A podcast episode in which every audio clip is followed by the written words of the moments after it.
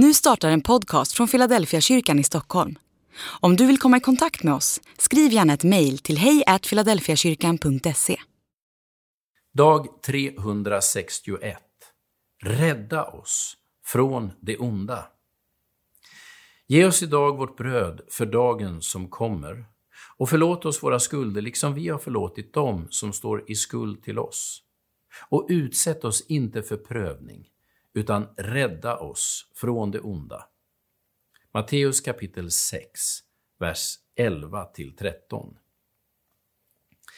Det finns prövningar som är positiva därför att de leder till ökad självinsikt och gör oss bättre rustade att möta vardagen. Men många är helt meningslösa. Det finns ingen vinst i själva prövningen, bara sorg och besvikelse. Som när föräldrar förlorar ett barn, när en ung människa rycks bort genom olyckor eller cancer, när en tsunamivåg sveper bort hela familjer och ödelägger livet för stora grupper av människor. Det finns inget nyttigt eller lärorikt i sånt. Ibland frågar människor vad Gud menar när sånt händer.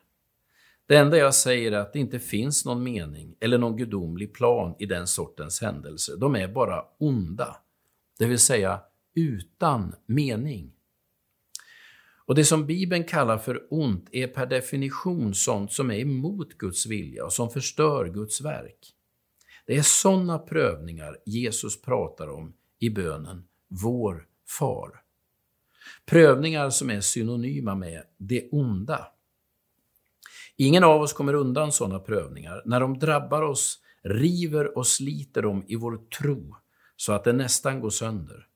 Det finns inget att lära sig av själva prövningen annat än att den är ond och att den gör oss ont. Bönen som Jesus lär sina lärjungar känns ibland som en sorts verklighetsterapi. Helst skulle jag vilja att Jesus tog bort allt ont och att han utplånade alla prövningar som är onda. Men så lär han oss inte att be. Den sortens böner blir aldrig bönhörda. Den dag då allt ont är borta och då allt meningslöst lidande är utplånat är himmelen här. Tills vidare får vi hålla oss till bönen som Jesus lär sina lärjungar. När vi drabbas av det onda, när prövningar utan mening hemsöker oss, då kan vi söka skydd i bönen. Vi ber inte att han ska ta bort det onda, utan att han ska rädda oss från det. När vi håller på att sjunka i omständigheter som hotar våra liv, kan vi be att han drar upp oss, så att vi inte går under.